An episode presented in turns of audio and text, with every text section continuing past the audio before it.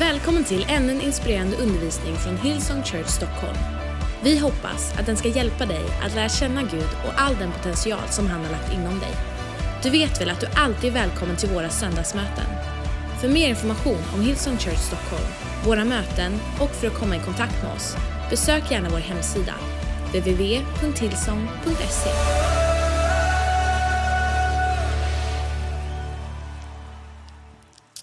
Lukas kapitel 8, vers 22. Är det okej om vi har lite, om vi stannar till liksom vid ett enda bibelställe idag? Och så angreppen är från lite olika sätt. Är det okej? Jag, eh, jag har liksom så fastnat lite grann i Jesus just när jag predikar känner jag på sista tiden. Men jag tycker att i och för sig, ska man fastna någonstans så... Det vill säga jag börjar tänka, jag ska predika något annat, men så är det så att jag bara, nej men det är någonting bara med Jesus. Som, det är någonting med namnet Jesus, eller hur? Det är någonting som liksom, alla andra bara bleknar liksom, i samband när man jämför dem med Jesus Kristus. Så, Innan vi hoppar in i vers 22, bara, låt mig bara ge dig lite kort sådär, liksom, bakgrund. För du måste veta vart vi kommer ifrån för att du ska veta vart vi är på väg, eller hur? Det skulle man kunna säga om Sunderclass också. Men Lukas kapitel 8, vers 22. Jesus han är, han är, liksom, han är prime i sitt ministry. Han, det vill säga, tusentals människor följer efter honom vart han än går. Det står att stora folkskaror är efter honom överallt, vart han än är. Och han har precis gått upp på ett berg, han har predikat sin bergspredikan, han har talat om liksom, rätt givande, rätt bön och han har talat vet, de här kända, han har droppat liksom one-liners som sök först Guds rike och hans rättfärdighet ska ni få allt det andra också. Och han, går vid, han har precis fått reda på i kapitlet innan att hans kusin Johannes har blivit fängslad och han vet att hans kusin Johannes kommer dö. Och så är han på väg in i, liksom, om du läser det vi, efter vi kommer, så är han på väg in liksom i riktigt sin prime time. Han är på väg till liksom ska hela Jairus dotter och kvinnan med blödarsjukan i kapitlet efteråt. Men när vi hoppar in i kapitlet här så stiger Jesus ner i en båt. Kolla här från vers 22. En dag steg Jesus i en båt tillsammans med sina lärjungar. Och han sa till dem, låt oss fara över till andra sidan. Säg andra sidan. Sjön. De la ut, ja, det står så. De la ut och medan de seglade somnade han. Då for en stormvind ner över sjön och båten tog in så mycket vatten att den höll på att fyllas och kom i sjönöd. De gick då fram och väckte honom och sa, mästare, mästare, vi går under. Han vaknade och talade strängt till vinden och vågorna och de lade sig och, de lade sig och det blev lugnt. Sedan frågade han dem, vart är er tro? Förskräckta och förundrade sa de till varandra, vem är han? Både vindarna och vattnet befaller han och de lyder honom. All right, jag har en enkel predikan ikväll. Om du skriver, skriv ner rubriken på kvällens predikan. Stanna kvar hos Jesus. Stanna kvar hos Jesus. Jesus, vi stannar kvar hos dig ikväll Jesus. Och vi tackar för att du vill tala till oss. Herre, jag ber att jag liksom inte skulle tala ord av mänsklig visdom utan att din heliga ande skulle vara här. Tala rakt in i människors hjärtan Herre. Gör någonting nytt i vår kyrka ikväll. Gör någonting nytt i våra liv. Halleluja, tala rakt in i människors liv just nu Herre. Tala uppmuntran till den som behöver uppmuntran Herre. Bara lyft upp den som behöver bli upplyft Herre. Vi ger dig all ära, all glory i Jesu namn vi ber allt folket sa. Amen. Hej, har, du, har du någon gång varit ute liksom i, en, i en riktig storm? Alltså så här, nu pratar jag liksom inte du är nere här på Djurgården liksom och det blåser en bris och så här, söndagsfrillan pajar lite. Jag pratar en, en riktig storm på havet. Om du har varit någon gång, det finns få saker. Jag har varit med om en riktig storm en gång. Jag var, jag var 12, kanske 13 år. Vi seglade från, eh, min familj vi hade liksom en stor segelbåt, 11 meter lång och vi seglade från Öland till Gotland. Och vi var liksom bara så långt ute på havet. Det så, du vet, du kollar 360, du ser ingenting annat än hav. Inte en båt, inte en fiskebåt, liksom inte en Viking Line, inte ens en helikopter, inte ens en sjömål. Du vet, så här, det, är helt, det är bara helt dött. Och vi seglar liksom, hur många vet en storm kommer så ibland så kommer en storm puff, på en gång. Så vi seglar helt plötsligt, boom, så ändras det. Du som kan lite grann om segling, vi har liksom den stora, så här, Geno 1 heter det, det är den största focken som finns. Och storsel, du vet så här. Och när vinden tar tag, det är inget att skratta åt kan jag säga. När vinden tar tag i en storm i en segelbåt, det är inte att leka med. Den där halvtimmen, kanske 45 minuter innan vi fick kontroll på den där segelbåten och porslin som gick sönder och småbarn som grät och det kanske var jag som grät i och för sig. Eh, och du vet så här, och du vet enda sättet, vet du, enda sättet att få kontroll på en segelbåt i storm, vet du vad det är? Det är styra rakt mot stormen. Rakt mot vinden, för då, då liksom, eh, så seglen börjar fladdra så du kan få ner dem. Men den där halvtimmen, 45 minuterna innan man liksom fick kontroll över båten, ett av de mest skräckfyllda liksom, ögonblicken i hela mitt liv. Det är sån respekt när Livia sätts ute för en storm. Och jag tänker på de här lärjungarna. De var ju liksom i Genesarets sjö. Och jag, tror till och med jag har en bild på det bakom. Jag googlade upp en bild. Bara för jag tänker att du ska få använda alla dina sinnen idag. Det här är Genesarets sjö. Lyssna, du måste förstå. Lärjungarna, det här är deras background. Det här är deras, liksom, det här har de växt upp. Många av lärjungarna, fyra, fem, kanske sex av dem var fiskare. Det innebär att de var liksom inga, det var inte så här, de körde inte jetskis liksom lite grann utanför Stureplan. Det var riktiga, liksom, de kunde segla. Vet du vad jag menar? De har varit med om en och annan storm. Eller hur? Men det som är så speciellt, jag gjorde lite så research. Vet du vad? Den här sjön, det är världens lägst belagda sötvattensjö. Den är 212 meter under markytan. Och sen på sidorna, ser du bergen? De är upp till, de är upp till 800 meter höga. Och där bakom så är det öknen. Det som händer är att ökenvindar kommer från Egypten, blåser ner över de där bergen, puff, rakt ner. Och i och med att den ligger så långt ner så är, så är vattnet kallt. Och det innebär att det blir helt speciellt. Hur snabbt som helst kan det blåsa upp en storm. När jag googlade visade det sig att bara härom året hade man mätt upp vågor som var fem och en halv meter höga. Fem och en halv meter höga i i, i den här sjön. Så du vet liksom att de här, de här lärjungarna som varit med om en annan storm, du förstår att när de är rädda för att de håller på att dö, du vet, då, då vet du att det är allvar. Om du har varit en gång i en storm så vet du vad jag menar. Men ibland så tror jag, jag vill tala lite grann till stormarna i ditt och mitt liv. För ibland så tror jag, du vet så här, när stormar kommer emot dig och mig så tänker vi Gud, nej ta bort stormen. Fast ibland kanske det till och med är stormen som kommer från Gud för att han vill forma dig och mig.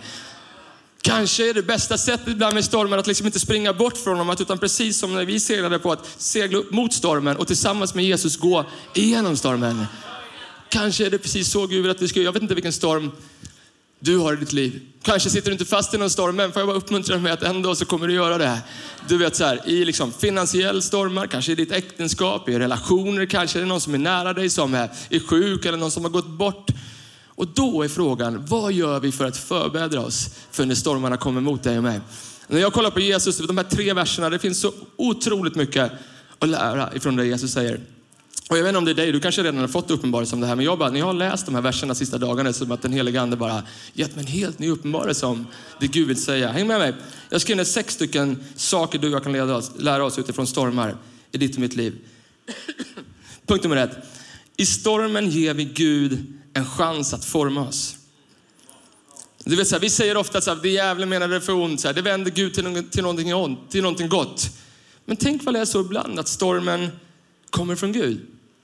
Tänk vad det är så att han vill forma dig och mig lite grann ibland i motvinden. Det finns så många exempel. Läs, öppna upp din bibel. Lukas kapitel 4. Jesus, Jesus går ut i öknen och man kan säga att det, finns, det stormar i hans liv. Han är 40 dagar i öknen. Djävulen själv frestar honom gång på gång på gång. Och Jesus bara svarar honom gång på gång. Det står skrivet. Och så sätter han gång på gång på gång djävulen på plats. Men vet du vad det står innan han går ut i öknen? Det står att anden ledde honom ut i öknen. Alltså inte djävulen. Det var Gud som ledde honom ut i öknen. Varför? Därför jag tror att han ville forma Jesus. Han ville, för så är det med dig och mig också. Ibland så behöver vårt äktenskap ett par stormar för att äktenskap riktigt ska växa starkt. Ibland så är det som att kyrkan, jag menar, det är bara titta på de tio åren vi har byggt kyrka. Ibland så är det i stormarna som vår kyrka har växt mest. När den har liksom identiteten av vilka vi är. Du vet i stunden när det har gått en söndag och sagt vi vet inte ens vad vi ska vara nästa söndag. Men det är som att hela kyrkan bara fuff, står upp. Därför att i, i storm, i motvind ibland så formas vilka vi är. Kolla på Jesus. Kolla på Jesus. Folk kan säga så här, men det är ju liksom enkelt för dig att säga. Du vet inte otur jag har haft Erik. Nej, men jag vet liksom, kolla på Jesus liv. Jag skrev ner nio saker. Kolla, han var född av en ung tonårstjej som inte var gift. Motgång. Mannen som, han gift, mannen som hon gifte sig med var inte ens hans biologiska far. Han föddes i ett stall. Det vill säga, du, du kanske tänker att det på bilderna ser det bra ut, men för en gång, jag har varit i ett stall en gång. och jag kan säga att det luktar inte gott. Det är blött. Det är, du vet, det är råttor, det är hundar, stora hundar. Vet, det är inte någonting, man ska inte vara där. Ormar. All right, punkt fyra. Han, hans riktiga far bodde i himlen. Hur många vet, vet när man är ung och du vet, alla håller på och skryter om sin farsa? Du vet, hans pappa var uppe i himlen. Nummer fem, när han föddes, du vet alla, all, allas farsa är bäst i världen, eller hur? Ja, min farsa, du vet, han är så bra. Han vann ju typ, han var med i hockey-VM på 60-talet. Men okej, okay. min farsa är statsminister. Jaha. Ja. Men, men punkt nummer fem, lyssna. När han föddes så hade en paranoid kung bestämt sig för att döda honom så han fick fly från landet. Du kan snacka om motgång, eller hur? Motvind. Redan när han var riktigt ung så hade han en grym press på sig. Har du tänkt på det? Tänk när redan han var ung och han bara öppnade upp Bibeln och förstod, vänta, det är ju mig som de här orden, Jesaja 9. Ty ett barn blir oss, kött, blir oss fött, en son blir oss given. På hans axlar vilar herradömet. Kan du känna den pressen lite grann? Sådär? Ja, men okej, men jag bär hela, liksom, hela jorden på mina axlar. Du vet, snacka om att det fanns lite motgångar i hans liv. När han kom till sin hemstad, Nasaret, så var det ingen som lyssnade på honom. Han sa, vem är han? Han kan inte predika. Vad är snickarens son? Kolla åttonde saken. Var han än gick så var fariséerna efter honom. Vart han än gick så var det någon som försökte sätta dit honom. Det var inte så att de försökte få liksom en p-bot. Nej, de försökte döda honom. De försökte få honom dömd till döden. Och den sista saken, han blev förrådd av en av sina bästa vänner. Du kan snacka om att det fanns motvind ibland. Det stormade lite grann i Jesus liv, men det verkar som att det skapade något. Så är det med dig och mig också. I motvind, i stormen ibland så formas du och jag. Kolla vad psalm 34, vers 19 säger. Herren är nära dem som har ett förkrossat hjärta. Det innebär att Gud är nära dem som säger, Gud, jag tänker inte gå från den här stormen, men jag tänker stanna kvar i båten. För att om du är kvar i båten så kommer jag stanna kvar tillsammans med dig. Amen. All right. Så i stormen ger vi Gud en chans att forma oss. Punkt nummer två. I stormen ger vi människor en chans att se Jesus. Du vet, jag tror att ibland är vi lite för snabba för att dra oss undan så fort det blir lite motstånd istället för att, precis som jag sa, gå tillsammans med Jesus genom stormen. Och du vet, så här, om jag vore djävulen, vilket jag inte är, men om jag ville så vore det bara, du vet, så här, åh, det bästa som kunde hända med kyrkan, så håller på och tjafsa ni lilla en procenten som tror på Gud, liksom. tjafsa om vilket ljud och ljus det ska vara, håll på och blogga om varandra. Jag tror han bara står bredvid och bara Håll på, fortsätt. Du vet, om, du vill, om du vill känna på motstånd, om du vill vet, börja hota djävulen, börja prata om evangelisation. Börja prata om att jag ska nå mina grannar, mina vänner. Börja prata om att vi ska fylla hovet, inte bara en gång utan två gånger. Börja prata om att den här påsken ska Stockholm få höra vem som är Jesus Kristus, vem som är världens frälsare. Och när vi gör det så vore det väl konstigt om det inte blev lite motgång, eller hur? Men Gud har lovat att han som har startat ett gott verk i oss, han är mäktig att fullborda det. I Jesu namn. Han är mäktig och fullborda det. Han är med oss. Och ibland när vi liksom i motvinden bestämmer oss för att hålla fast vid Jesus, så är det som att människor ser Jesus rakt i våran storm. Jag har tänkt på det de sista dagarna. Några av er kände Anders Svärd som gick bort för tio dagar sedan. Man i vår kyrka, 40 år gammal, lämnade efter sig en fru och tre barn, unga barn. En eh, otroligt tragisk liksom, händelse som har skett i vår kyrka, men som också har samlat vår kyrka på ett sätt som jag nästan inte har sett. Och bönen som har lyfts upp i det. Och jag mässade med Helena, Anders fru här, i början eh, på förra, på förra söndagen. Hon skickade ett sms och sa, Erik, den här söndagen när du går upp och leder lovsång, bara pekar människor mot Jesus. Jag bara ber att människor skulle hitta Jesus och hans trofasthet i lovsången. Och jag tänkte när jag fick det smset, jag hoppas att jag skulle skickat ett sånt sms också. Mitt i stormen så ger vi människor en chans att hitta Jesus. Och jag tänker på den här minnesstunden vi hade, några av er som var uppe i norra, hur de här brandmännen och poliserna och jag vet inte, det var länge sedan vi har sett så mycket människor som fortfarande inte känner Jesus i vår kyrka i norra. Och folk gick in och det är klart det var en sorg där inne, men det var också en wow, vilken atmosfär. Vad är det mitt i stormen? Kan vi fortsätta bestämma oss för att peka människor mot Jesus? I stormen ger vi människor en chans att se Jesus. Okej, okay, punkt nummer tre. Lita inte på vad du ser utan på vad Gud har sagt. Lita inte på vad du ser utan vad Gud har sagt. Kolla! Du vet, kolla vers 22 igen. Vi kan lägga upp det bakom mig. Vers 22, den första versen. Lukas skriver 8, vers 22. Kolla här. En dag steg Jesus ner i en båt tillsammans med sina lärjungar och han sa till dem, lyssna vad han säger nu. Låt oss fara över till andra sidan sjön. Om Gud har sagt att vi ska fara över till andra sidan sjön, vad kommer hända? Vi kommer föra över till andra sidan sjön. Gud och hans ord är så här. Gud sa i begynnelsen var ordet, ordet var Gud och ordet var hos Gud. Och så går det vidare och säger att ordet blev människa, kött och levde ibland dem. Jesus är, Gud är ett med sitt ord. Om han säger bara det ljus så blir det ljus. Du vet, han är sann och bara sann. Så att om han säger, vet du vad, den där är blå men nu ska den vara röd. Då kommer den bli röd på en sekund. Det är våran Gud. Så ibland, ibland Istället för att fokusera på stormen och allt som händer, hur mycket vinden blåser, hur mycket seglen blåser, hur mycket det låter i porslinet. Varför inte fokusera på vad Gud redan har sagt? Tänk om lärjungarna hade tänkt på bara vad Jesus sa i versen innan. Om de bara hade tänkt för sig själva, Gud har ju sagt att vi ska fara över till andra sidan, men de lyssnar inte på honom. Så när det började liksom blåsa så var det så här, mästare, mästare, vi går under, vi håller på att dö. Om Gud har sagt att vi ska åka över till andra sidan, då blir det så. Då blir det så. Kolla vad Paulus säger, andra Korinthierbrevet kapitel 4, vers 16. Därför tappar vi inte modet, även om vår yttre människa bryts ner, förnyas vår inre människa dag för dag. Ty vår nöd som varar ett ögonblick och väger lätt bereder åt oss på ett oändligt rikt sätt en härlighet som väger tungt och varar i evighet. Vi riktar inte blicken, lyssna, på det synliga utan på det osynliga. Ty det synliga är förgängligt men det osynliga är evigt. The message så, så säger Paulus samma sak. Vi säger, så säger han, therefore we do not lose heart. Alltså därför förlorar vi inte hjärtat. Varför? Därför vi, vi fokuserar på vad Gud har sagt, inte på omständigheterna som vi ser runt omkring oss. Ibland så tror jag att du och jag, vet, mitt i livets storm, mitt i det känns som att du undrar, ska mitt äktenskap klara en dag till? Mitt i den där sekunden när du tänker, jag undrar för min barn någon ska komma till kyrkan. Mitt när du bara undrar, ska jag någonsin få ett jobb eller en bostad? Lyssna med vän, ibland behöver vi fokusera på vad Gud redan har sagt.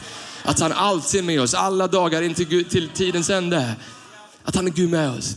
Men ibland så tror jag att vi är så fokuserade på vad vi ser. Och min son, våran son, vi har, vi har två söner. Eh, min, vår äldsta son heter Adrian.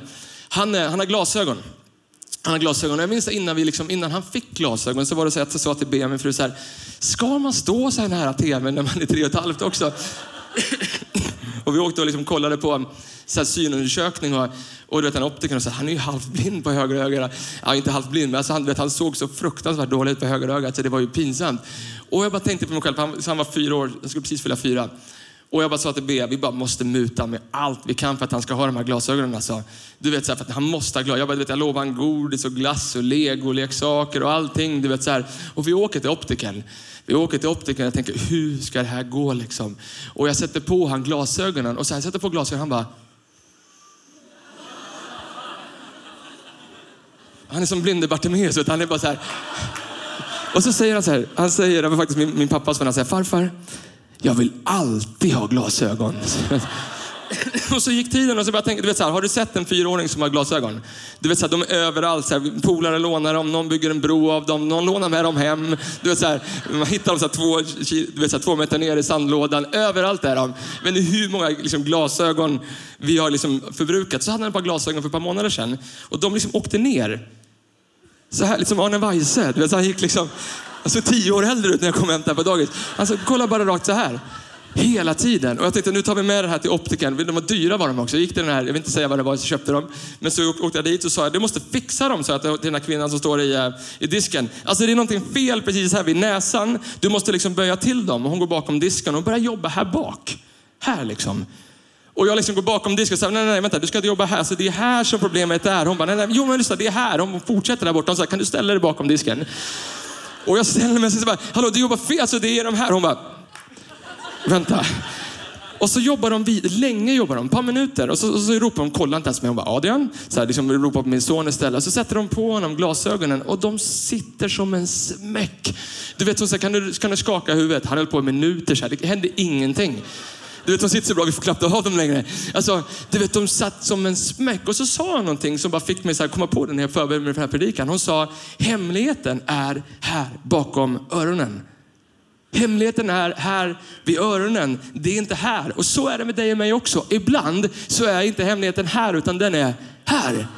I våra öron. Vad vi hör att Gud har sagt. Om Gud har sagt att vi inte ska frukta. Då behöver vi inte frukta. Om Gud har sagt att han är med oss så är han ju med oss. Om Gud har sagt att han är med oss alla dagar så innebär det att han är med oss alla dagar. Jämt. Om vi fokuserar på vad vi hör ibland och inte alltid vad vi ser. Amen. Okej, punkt nummer fyra. Jag måste skynda på. Hoppas det hjälper någon. Eh, punkt nummer fyra. Jesus vill tala till dig före stormen. Jesus vill tala till dig före stormen. Lyssna. Ibland är den där tysta stunden före stormen den viktigaste stunden. Om lärjungarna hade lyssnat på vad Jesus sa, låt oss åka över till andra sidan, då hade de kunnat vilat. Varför tror du Jesus gick och la sig? Ja, jag tror att det finns flera anledningar. Man kan inte veta att han var mitt i sitt ministry. Han var tydligt, troligtvis rätt trött. Han, var han, var, han hade precis tjänat, gett ut i slutet på dagen och liksom, du vet, han behövde säkert lägga sig ner, sova, fylla på lite grann. Och, men ibland så tror jag Ibland så tror jag att, liksom att vi tänker att Jesus han brydde sig inte. Men ibland så tror jag att mitt i stormen, i tystnaden, du vet kanske när vi inte ens är i stormen än, utan när det är tyst, så är det då Gud vill tala till oss. Så att när stormen kommer så vet vi, så, bor, så har vi någonting i vårt chank, i vårt hjärta. Vi vet hur vi ska bemöta stormen. Amen. Du vet så många gånger så är det, du vet, så här, när stormen kommer så har vi bara, gud det stormar. Du vet, det blåser så mycket så man hör ingenting. Du vet istället för att när det inte blåser, förbereda sig för vad, det kommer, vad som kommer hända när det faktiskt blåser. Och får jag uppmuntra dig med en sak. Bästa sättet att förbereda sig, det är att göra det precis det jag pratar om nu. Hålla blicken fäst på Jesus. Vad gjorde Jesus i båten? Han låg och sov, eller hur? Ja, du, du, du kan ju tänka då, visst han var trött och så kunde tänka att lärjungarna tyckte liksom att han var lat. Men vet du vad jag tror att det var också? Jag tror att det är en bild för hur Gud vill att du och jag ska vara i stormen. Han säger, be still and know that I'm God. Alltså du vet, så här, var stilla, vet att jag är Gud. Det är som att Gud nästan ger ett exempel för dig och mig att om vi är stilla i stormen, låt mig hantera det här. Om jag har talat att jag är med dig så är jag med dig. Förtrösta på mig. Amen. Ibland, du vet det är ungefär som en, eh, du vet, det är ungefär som man, eh, när man är ute och flyger. Jag var ute och flög eh, igår en snabbe. så när det blir turbulens, är det inte sjukt intressant? Så fort det blir turbulens och alla kollar på flygvärdinnorna. Du vet så här, och liksom innan, innan eh, du vet så här, den här, vet, du, satt på säkerhetsbältena lyser så är man hur cool som helst. Liksom. Och sen så här, när de, de tände säkerhetsbältet, bara sätt på er säkerhetsbälten. It's the pilot, uh, please we're gonna, quiet, we're gonna quit this serving. Och man ser hur alla bara så här, lite så här, smyger ihop lite grann, sitter så här, säkerhetsbältet drar åt lite hårdare. Ja, det hade varit helt kört, som att det hade hjälpt att man drar åt när man störtar. Liksom. Men du vet, så här, med de flygvärdinnorna börjar kuta runt och leta efter fallskärmar och grejer, då kan jag säga en sak, då är det över. Alltså. Samma sak är det med Jesus. Om du öppnar upp din bibel och du märker att nu börjar Jesus bli lite orolig. Alltså nu är det som att Jesus tar sitt långa hår och börjar riva i det och tänker, du vet så här. Då har du mitt permission, då har du min tillåtelse också att bli orolig. Men lyssna, inte på ett enda ställe så kan vi läsa om en Jesus som drar sig själv i håret eller som är orolig. Kolla, lyssna på det här. Jag bad, eh, jag bad Simon Hillenfjärd som är en eh, medlem i den här kyrkan, teamet, jag bad honom bara söka i morse på hur många gånger står det frukta inte eller var inte rädd i Bibeln. Kolla, det här är coolt. Vet du hur många gånger det står i Bibeln? 365 gånger. Hur många dagar är det på ett år? Hur många dagar är det på ett år?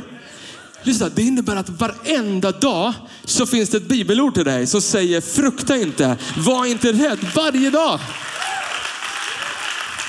Amen. Ibland så är det i tystnaden. Lyssna vad, vad Jesaja kapitel 41, vers 10 säger för att tala om inte frukta. Frukta inte, ty jag är med dig. Se dig inte ängsligt om, ty jag är din Gud. Jag styrker dig, jag hjälper dig, jag håller dig med min rättfärdighets högra hand. Du vet, Gud regerar. Du och jag när vi står mitt i livets storm så kan vi fortfarande förtrösta på att han Herre är. Livets storm, han Herre är överallt som vi sjunger. Vi kan fortfarande fokusera på det. Och lyssna, istället för att fokusera på allt som kommer emot din båt om du vill och hur höga vågorna är, fokusera på vem som är i båten. För om Jesus sitter med dig i båten, då är det lugnt. Då är det lugnt. Amen. Okej, okay, femte saken. Eh, Jesus är i total kontroll. Alltså inte lite halvt i kontroll, utan han är i total kontroll. Kolla här från eh, vers 24, vi läste precis. Då gick de fram och väckte honom och sa, Mästare, Mästare, vi går under. Och han vaknade och talade strängt till vinden och vågorna. De la sig och det blev lugnt. Sedan frågade han dem, vart är er tro? Förskräckta och förundrade sa de till varandra, vem är han? Både vindarna och vattnet befaller han och de lyder honom. Du vet, kanske Kanske är det så att vinden och vattnet lydde Jesus för att de hörde rösten av sin egen skapare. Kanske är det just därför som vinden måste lyda Gud. Kanske är det just därför vattnet måste lyda Gud. Men vet du vad? Om han kan stoppa vinden och vattnet, då innebär det att han kan lugna ditt hjärta också. Amen. Jag pekar inte på någon nu, förlåt, det var dumt. Om han kan stoppa vinden och vattnet, då innebär det att han kan stoppa det som stormar i ditt hjärta också. Amen. Gud är i total kontroll. Det står att han mäter upp hela himlen mellan sina fingrar, alltså universum mellan sina fingrar. Han mäter hela havets vatten i sin hand. Amen. Långt mycket mer än vi kan tänka eller be om vill han göra genom den kraft som mäktigt verkar i oss. Alltså han är större, mäktigare än vi ens kan förstå och han är i total kontroll. Och ibland så är det bra att påminna sig själv om det mitt i livets storm att vet du vad? Gud är i kontroll fortfarande. Jag kanske inte vet exakt vad som händer, men Gud är i kontroll. Gud är i kontroll. Amen. Kommer medan eh, lovsångsteamet kommer upp. Kolla vad psalm eh, 46, vers 2 säger. Gud är vår tillflykt och vår starkhet. En hjälp i nöden, väl beprövad. Därför ska vi inte frukta om jorden skakar och bergen störtar ner i havsdjupet. Lyssna, om en havets vågor brusar och svallar så att bergen bävar till dess uppror, sela. Alltså stanna upp, tänk på det, att Gud är våran tillflykt jämt och han är i total kontroll. Lyssna, Jesus sa att i den här världen kommer du kanske få problem, men jag kommer inte lämna dig. Jag kommer vara med dig. Att vara kristen betyder inte att, liksom, att man inte kommer få några problem. Att vara kristen betyder bara att när problemen kommer upp så har vi någon att gå tillsammans igenom problemen med. Och hans namn är Jesus. Och han är en stor Gud, men han är inte stor nog att veta var och en av oss heter. Psalm 139, han kände vårt namn, varenda hårstrå på vårt huvud. Han älskar oss. Han längtar efter att flytta in i ditt och mitt hjärta och han är total kontroll. Amen. Och ibland så kan du och jag säga så här, men vet du vad, jag, jag, jag förstår inte det.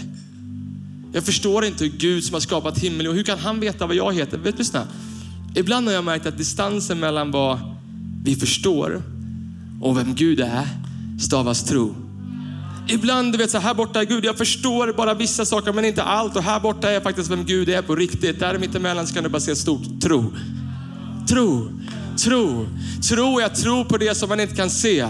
En fast övertygelse, en fast visshet om det man inte ser. Att det finns till. Ibland så behöver du och jag bara tro på Gud. Tro på att han är i total kontroll. Den sjätte och sista punkten, medan du fortsätter skriva, lyssna. När du inte förstår, stanna kvar hos Jesus. I seasons när du inte förstår, jag säger inte att jag har svarat på allting. Men när du och jag inte förstår, får jag uppmuntra dig att i alla fall stanna kvar hos Jesus. Amen.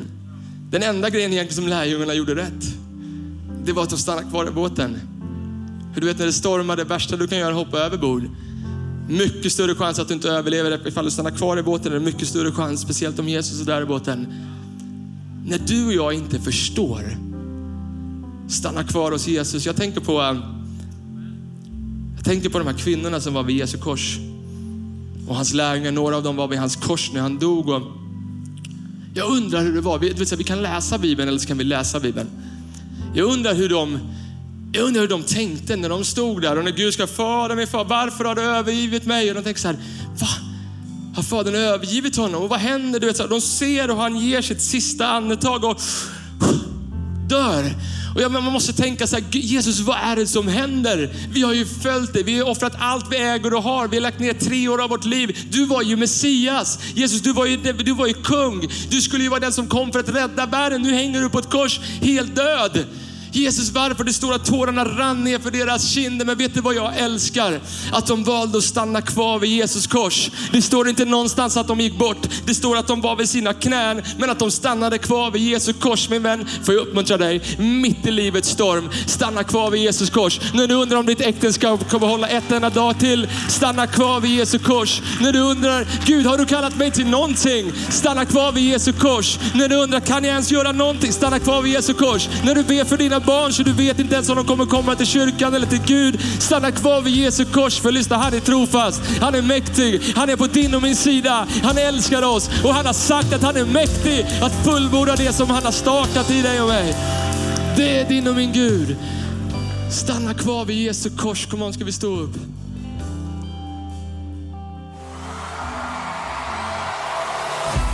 Tack för att du har lyssnat. Om du vill veta mer om Hillsong och mer om vem Gud är, kontakta oss gärna.